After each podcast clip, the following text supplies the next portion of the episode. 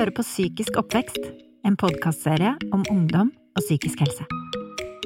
Jeg heter Henriette Brusgaard og er selv foreldre til to barn som etter hvert skal bli ungdommer. Mange unge opplever i løpet av ungdomstiden at foreldrene skiller lag. Eller de lever i konfliktfylte familier. Det å være ungdom kan være emosjonelt overveldende nok i seg selv. Men hva skjer med de unge i en krevende familiesituasjon, der de kanskje må gå fra ett bosted til to, eller de må håndtere at mamma har fått en ny kjæreste? Hvordan kan vi som foreldre hjelpe ungdommen best mulig i en slik situasjon? Jeg tror nok mange ungdom eh, tenker at hvis de slipper å være bekymra for meg, hvis de slipper å tenke på meg, hvis, de, hvis jeg bare ordner meg, så slipper de i hvert fall den bekymringa, da. Trine Eikrem leder Enerhaugen familievernkontor. Hun har i mange år jobbet med ungdom som har opplevd konflikt og samlivsbrudd i familien. Hun ser at mange ungdommer, i en slik situasjon, ser ut til å bli selvstendige litt for fort. Så jeg tror nok at en del, eller jeg vet for så vidt, at en del tar for mye ansvar, kanskje for tidlig for mye ansvar, både for på en måte å ordne med seg sjøl, men også for foreldra sine følelser. Jeg hadde en kollega en gang som sa at ungdom trenger å smelle med døra. Og det en del ungdom opplever når foreldre skiller seg i den fasen når det er ungdom, er at det er foreldra som smeller med døra. Det er foreldra som går ut, det er foreldra som prøver å finne seg sjøl, det er foreldra som kanskje finner noen andre. Så en del ungdom opplever at det blir litt liten plass til dem, da. Og hva skjer da med ungdommen? Ja, ungdom i huset sjøl, og det, de har jo liksom nok, nok med seg sjøl på en måte, så det er bare å vite at vi er der, sjøl om de ikke nødvendigvis bruker oss veldig mye, da. For mange ungdom så er det nok. Og den følelsen av at vi ikke er der, den er det en del som opplever da at de ikke er til stede når foreldre er i den krisen, da.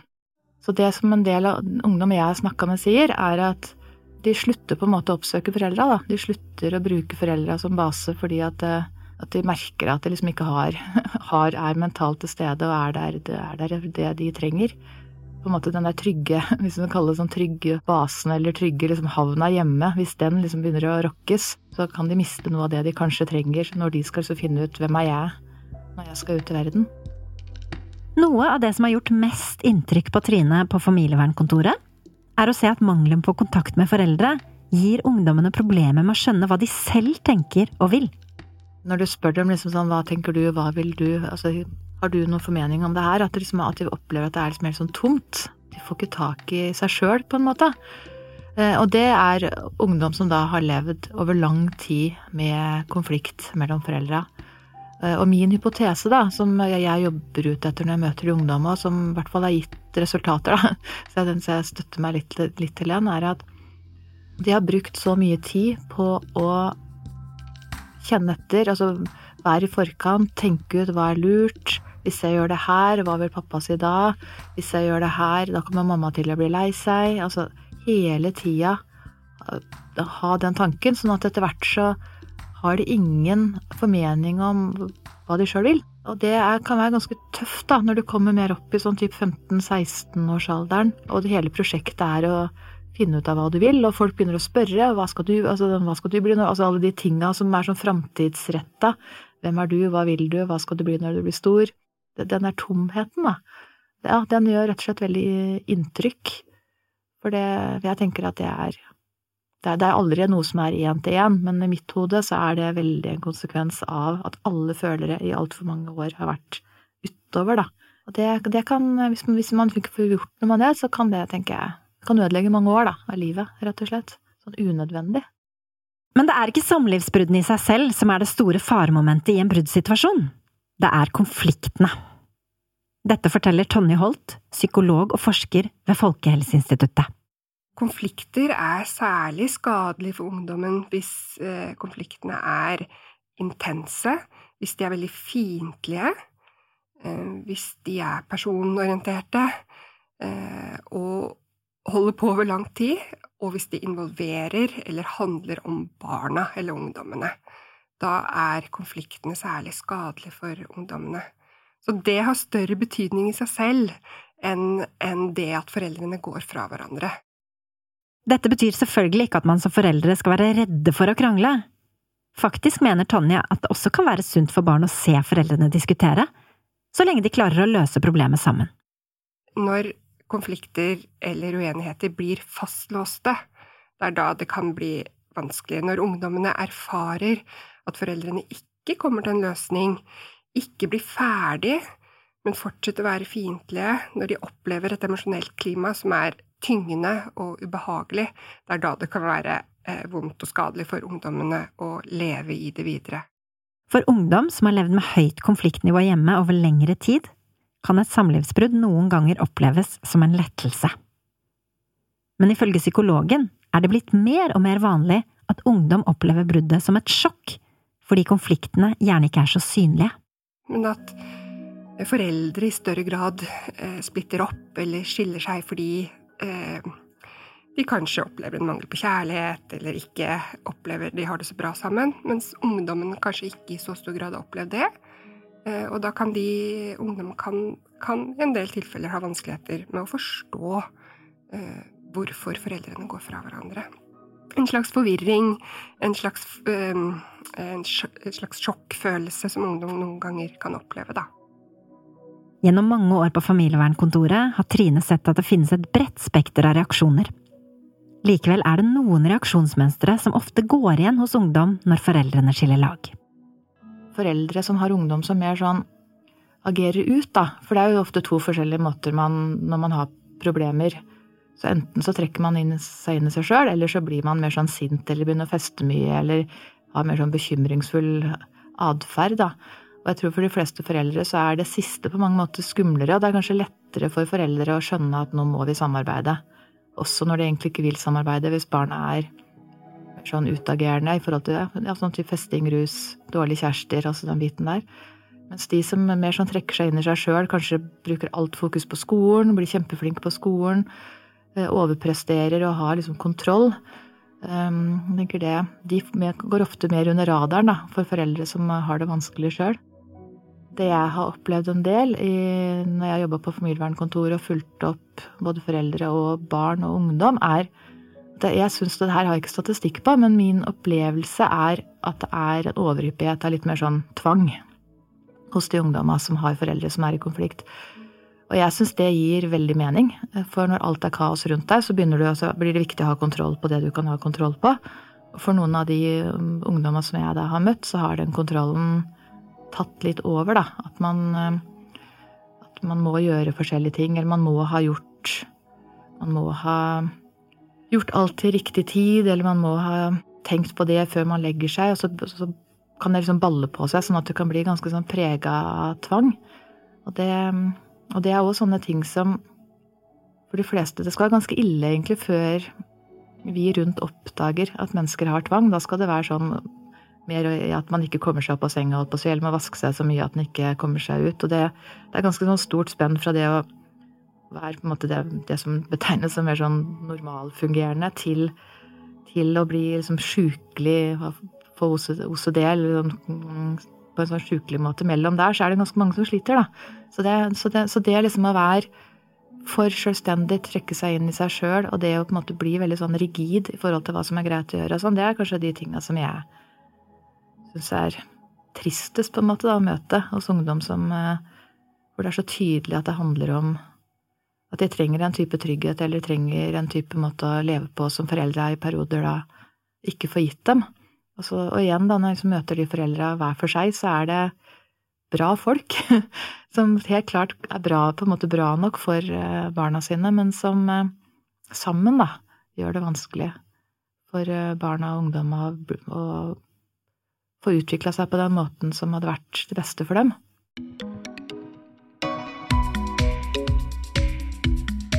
Som foreldre er det ingenting vi ønsker mer enn at barna våre skal ha det trygt og godt.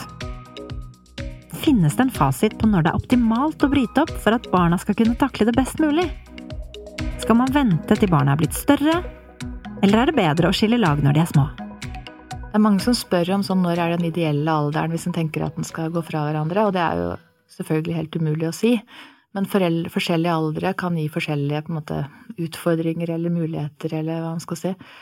Når du er en ungdomsforelder, da, og jeg tror nok en del angrer litt på at de holdt ut for barna sin skyld. At de holdt, for Etter hvert så ser jo barn mer hva som foregår i samlivet, sånn at de blir mer involvert om de vil eller ikke, fordi at de ser og tenker og tolker og på en helt annen måte enn når du er sånn tidlig barneskolen eller førskolealder. Da er foreldre mer foreldre som ordner opp som oftest, da. Men så etter hvert så begynner man å se, og kanskje særlig sånn der i tenåringstida, så begynner man å se at herregud, mamma og pappa er jo De er ikke bare perfekte, de har sine feil og mangler, og at de fortere kan ha en mening om hva som er lurt å gjøre, da, og om de vil eller ikke bli mer involvert i er det, en, er det en av foreldra som på en måte er årsaken til bruddet? Er det en av de som Og kanskje særlig sånne hvor det er en annen person inne i bildet, da, hvor det er en av foreldra som har blitt forelska, så, så i hvert fall har jeg sett, da, i forhold til de åra jeg har jobba, at det blir lettere tilgitt av en femåring enn av en 13-14-15-åring. Eh, og en del sier òg at de syns det, det, å vokse opp og vite at foreldra holdt sammen resten av livet på grunn av meg, det, det, hadde vært helt forferdelig å tenke på. Og det å se, liksom etter hvert da, liksom skjønne et sånn kjærlighetsløst forhold, det å se det, det At de sjøl tenker at det hadde vært veldig trist, da. Psykolog og forsker Tonje Holt mener at ungdommer særlig har én fordel som yngre barn ikke har når familien går i oppløsning. Ungdom har jo eh, ofte en tendens til å søke mer ut i verden. De har venner andre steder, de har et nettverk. De skaper seg et liv utenfor familien. De har flere arenaer for livet sitt enn det yngre barn har. Eh, og det gjør jo også at ungdom på mange måter kan bruke disse ressursene på en annen måte enn det yngre barn kan. Og det, det er noen som studier som viser at skilsmisse, eller samlivsbrudd blant foreldre i ungdomsalderen, når det skjer litt sent, ikke påvirker de så sterkt som når det skjer eh, tidligere. Og det kan være en av grunnene eh, at ungdommene nettopp bruker ressursene sine eh, i større grad ute eller utenfor familien. Mens eh, yngre barn har eh, familielivet mer som mm, hovedarena. Men sånn er det ikke for ungdommene. De skal ut. De skal løsrive seg. De skal bort fra familien. Så selv om foreldre og familie har mye å si som en trygghetsbase, så er det nå andre områder av livet som tar over, som blir viktigere. Selv om ungdommene drar nytte av et større nettverk, er vi som foreldre fremdeles viktige samtalepartnere for barna våre. Ifølge Tonje er det mange foreldre som tror de beskytter barna sine ved å ikke snakke om det som er vanskelig, fordi de ser at det er vondt for dem. Men det kan også være at de Eh, det aktiverer veldig mye dårlig samvittighet hos dem selv. Eh, fordi når ungdommene da sier at dette er vanskelig for meg, eller tøft for meg, så kan det minne foreldrene om at de har påført barnet noe. Eh, og det er vanskelig for en forelder. Og så kan det også være at foreldre står så mye i seg selv det er vanskelig rett og slett å ta bort blikket. Og foreldre er jo Det er det viktigste i livet, det er ofte barna. Men i den situasjonen så kan likevel egne følelser ta litt overhånd. Og så tror jeg at uh, det at det aktiverer så mye dårlig samvittighet, det krever mye av foreldrene når de har den samtalen med barna også. Så når barna forteller at dette er tøft for meg, eller forteller litt hvordan de reagerer, hva som er vanskelig, er det viktig at foreldrene er en aktiv lytter som anerkjenner ungdommens reaksjoner, uten å bortforklare eller si at dette kommer til å gå så mye bra, eller at man, man det er ungdommen som da er i fokus når de forteller at de har det vanskelig.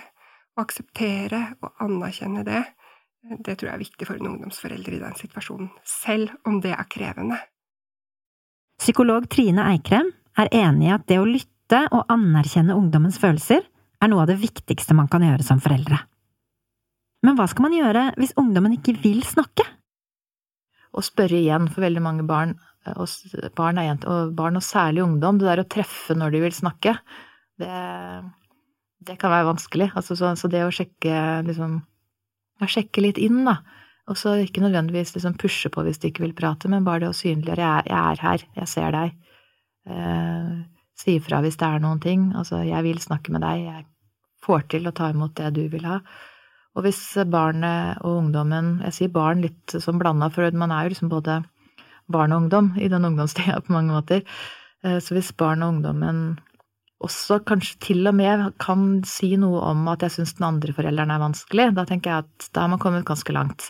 For det er en sånn ting som mange mm, beskriver at det kan være en vanskelig ting med foreldre i konflikt. At man kan ikke si at oh, i går så gjorde jeg enten at jeg gjorde noe koselig hos pappa, eller at mamma var helt håpløs. Hun var sånn typisk og masete, sånn som man pleier å være, eller hun gjorde et eller annet som, som man vet at den andre forelderen vet om.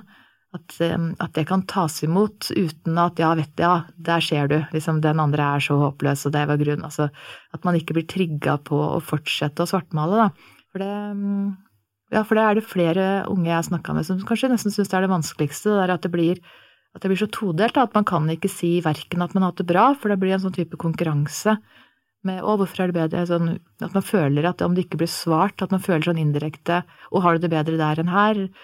Eh, hvorfor har du det bra? Han, han, eller hun var jo så slem, eller er jo helt håpløs, eller eh, Og òg at de kan si at åh, det her det går var det skikkelig kjipt, for da at ikke den mølla på en måte får, får vann på seg, at, uh, at, den andre forelderen er veldig enig i at selvfølgelig var det kjipt der. Hvis man klarer liksom å gi barna rom til liksom begge deler, da, da, da tenker jeg at da, kan man, da, kan man, puste rolig som forelder. At da, har de litt det rommet som, man, som de trenger, da. I Norge står det i barneloven at barn over tolv år skal bli hørt i hvor de ønsker å bo når foreldrene flytter fra hverandre. Men dette kan også være et stort press og en ekstra belastning for de unge. De fleste barn i Norge i dag tenker nok at når vi skilles, så bor man halvparten av tida hos hver av foreldra, eh, og flere og flere gjør det. Eh, og så er det noen av forskjellige grunner hvor det ikke passer helt, og det kan jo være ekstra vanskelig da hvis de kjenner at det vil de ikke, for en del barn, kanskje særlig etter ungdomsskolen, i hvert fall etter, altså etter barneskolen, men særlig etter ungdomsskolen, det å leve med å flytte hver uke eller annenhver uke, eller den For mange blir, det veldig Det blir slitsomt, da, for foreldre slutter kanskje å pakke bagen. Eh, yngre barn har ofte, i hvert fall liksom i det derre middelklassesegmentet som det er ganske mange av i Norge, har kanskje dobbelt opp med ting. Altså sånn at de har at de slipper å dra med seg en stor bag, men når du blir eldre, så har du kanskje er ofte dyrere klær og litt mer sånn yndlingsklær som, som, du, som du trenger begge steder, så den derre leve i bag At en del eh, syns det blir for slitsomt, da. Og, og har kanskje en tanke om at det hadde vært bedre å være lenger. Altså, en del utvider da til kanskje har to uker på hver, eller tre uker på hver. For det derre akutte savnet hos foreldre, det krymper jo litt etter hvert som man blir eldre. Men så passer kanskje ikke det inn i hvordan foreldra har organisert livet sine, og vi savner de kanskje mer enn det de savner oss, da, i en viss alder. Så, så igjen den derre biten med hva som egentlig hadde vært best for dem, og hva som liksom går i våre liv. Det er ikke alltid det matcher helt, da. Når foreldrene har flyttet fra hverandre, er det en stor omstilling for barna. I denne tilpasningen til den nye hverdagen mener Trine det som forelder er viktig å være litt serviceinnstilt. De små tingene kan noen ganger utgjøre den store forskjellen. Hvis man bor for langt unna, hjelper til litt, særlig kanskje de der fra, fra i sånn barneskole- og ungdomsskolealder, at man hjelper til litt med å opprettholde nettverk. Tar med folk, altså hjelper til med at de fortsetter å ha med, med, med hjem, eller kjører til, til, noen som er viktig for dem. At den biten er kanskje, det er kanskje det viktigste. Kanskje er det ikke oss de vil være sammen med den lørdagen, eh, men det er, noen, det er noe som foregår, det er et eller annet som skjer et annet sted. Og det er det mange ungdom som beskriver. At de mister fordi at vi foreldre er så sultne på å være sammen med dem. At særlig når det er sånn annenhver uke, og kanskje enda mer der det ikke er annenhver uke, men man har bor mest hos den ene og er litt hos den andre, at det da skal dra på fest, eller at noe skjer den lørdagen hvor du kanskje sjøl har tenkt å nå skal vi bake pizza, vi skal se på film, og at man har en sånn voksenforventning, eh, mens barna bare har lyst til å henge med venner, da, spille dataspill eller, eller gjøre sånn det ungdom gjør med venner. Eh, og igjen går det litt tilbake til det med Gi, gi, dem rom, gi, gi ungdom rom til å komme med sine behov, da. At ikke vi kanskje er for pushy på ja, men nå, ja, men nå hadde jeg gleda meg så fælt, og jeg savna deg hele uka, og Men kanskje stille opp som sjåfør, da, isteden. At det er det du kan få til. Og det, kanskje da får du til den gode samtalen du har savna på veien til eller fra, og så mister du de fem timene i midten, men for ungdommen så er det de fem timene ikke sammen med deg som kanskje er det som er det absolutt viktigste for dem der og da. Så det å være litt sånn raus på at det å være litt, litt, ja, litt sånn service å legge til rette, mer enn at absolutt liksom, telle timer sammen med barna dine. Det tror jeg hadde roa litt stresset for mange, for mange ungdom i en sånn type skilsmissesituasjon. Da. Etter et samlivsbrudd etablerer ofte mamma eller pappa seg på nytt. Og kanskje er det også grunnen til samlivsbruddet, at en forelder har funnet en ny partner. Dette er en situasjon der man som forelder bør vise stor forståelse og tålmodighet i møte med barna. Der tenker jeg at vi noen ganger som voksne rusher det litt mye, da. At vi har sånn der drøm om den derre lykkelige familien, eller den storfamilien, at vi både hvis vi, hvis vi, ikke har vært kloke som foreldre med å introdusere den nye kjæresten, så kan vi fort havne veldig sånn skeivt ut, da. For det veldig mange ungdom sier, er at de savner tid med bare sin egen forelder. Det en del gjør feil, da, hvis en skal si det, er at de for fort kommer inn og blir en oppdrager, for eksempel. At de, at de, glemmer at de først må ha en relasjon før de skal bli hørt på. Og det er mye lettere med små barn. Man får lettere den rollen som en eh, fornuftig voksen og små barn, men hos ungdom så må man på en måte fortjene tillit, da. Så hvis man tenker tilbake på sånn lærere på ungdomsskolen og sånn, så, de, som, de, som, bare kom inn og begynte å kjefte med en gang før de kjente deg, du brydde deg jo ikke om dem etter hvert. Altså de ble liksom parkert som håpløse. Og det tror jeg kanskje innimellom at man glemmer litt, da. Og man skal, ikke, man skal jo bli behandla ordentlig, men kan man kanskje liksom ha litt, litt sånn is i magen på å utfordre for mye i starten. Selv om studier viser en liten forhøyet risiko for psykiske vansker blant barn og ungdom som har opplevd samlivsbrudd, så går det som oftest bra. Psykologene er enige om at det viktigste vi foreldre kan gjøre, er å være der. Hvis en ungdom for eksempel kan si at jeg syns det er så leit, jeg er så lei meg for at dere er skilt, at de kan få lov til å synes det, sjøl om du sjøl vet at det var det riktige, men at du kanskje kan romme den istedenfor å forklare hvorfor det måtte bli sånn. Eh, det tror jeg hadde vært bra for en del ungdom, å få lov til å si at åh, tenk så Det hadde vært så mye enklere hvis dere bodde sammen. For det er jo ikke noe som Det betyr ikke at livet går under, men at de bare innimellom, når du står og pakker den sekken, da, for eksempel, og skal flytte Åh, det hadde vært så deilig å slippe det her. At de kan få høre ja, vet du hva, det skjønner jeg. Jeg skjønner det kjempegodt, at det er vanskelig, at det hadde vært godt for deg å slippe. Uten å fortsette da med men du skjønner det at vi hadde det ikke bra sammen, og du har det bedre nå, for nå har jeg det bedre, og du har det Altså, at ikke resten av den på en måte begrunnelsen nødvendigvis kommer i etterkant, da. Det tror jeg hadde vært en bra ting for mange ungdommer å få lov til å si, og få lov til å bare mene, uten at det ble noe mer, da, på en måte. Generelt så tenker jeg at hvis foreldre har med seg at hvis barna er trygge på at de dealer med sine egne ting, så går veldig mye bra. Ehm, så hvis man, sjøl om man For det er, jo, det er jo kjempestor krise å bli skilt, og det å bli skilt med konflikt, det, det øker jo bare den krisen, for det blir mindre rom til å håndtere sine egne ting. Men hvis man klarer, ved hjelp av venner, ved hjelp av terapi, ved hjelp av støtteapparat. Altså sånn eh, å håndtere det som er vondt, og synliggjøre for ungdommen sin at det her håndterer jeg, og så kan du holde på med ditt. Det tror jeg er den største måte, gaven man kan gi til barn når man sjøl er i krise.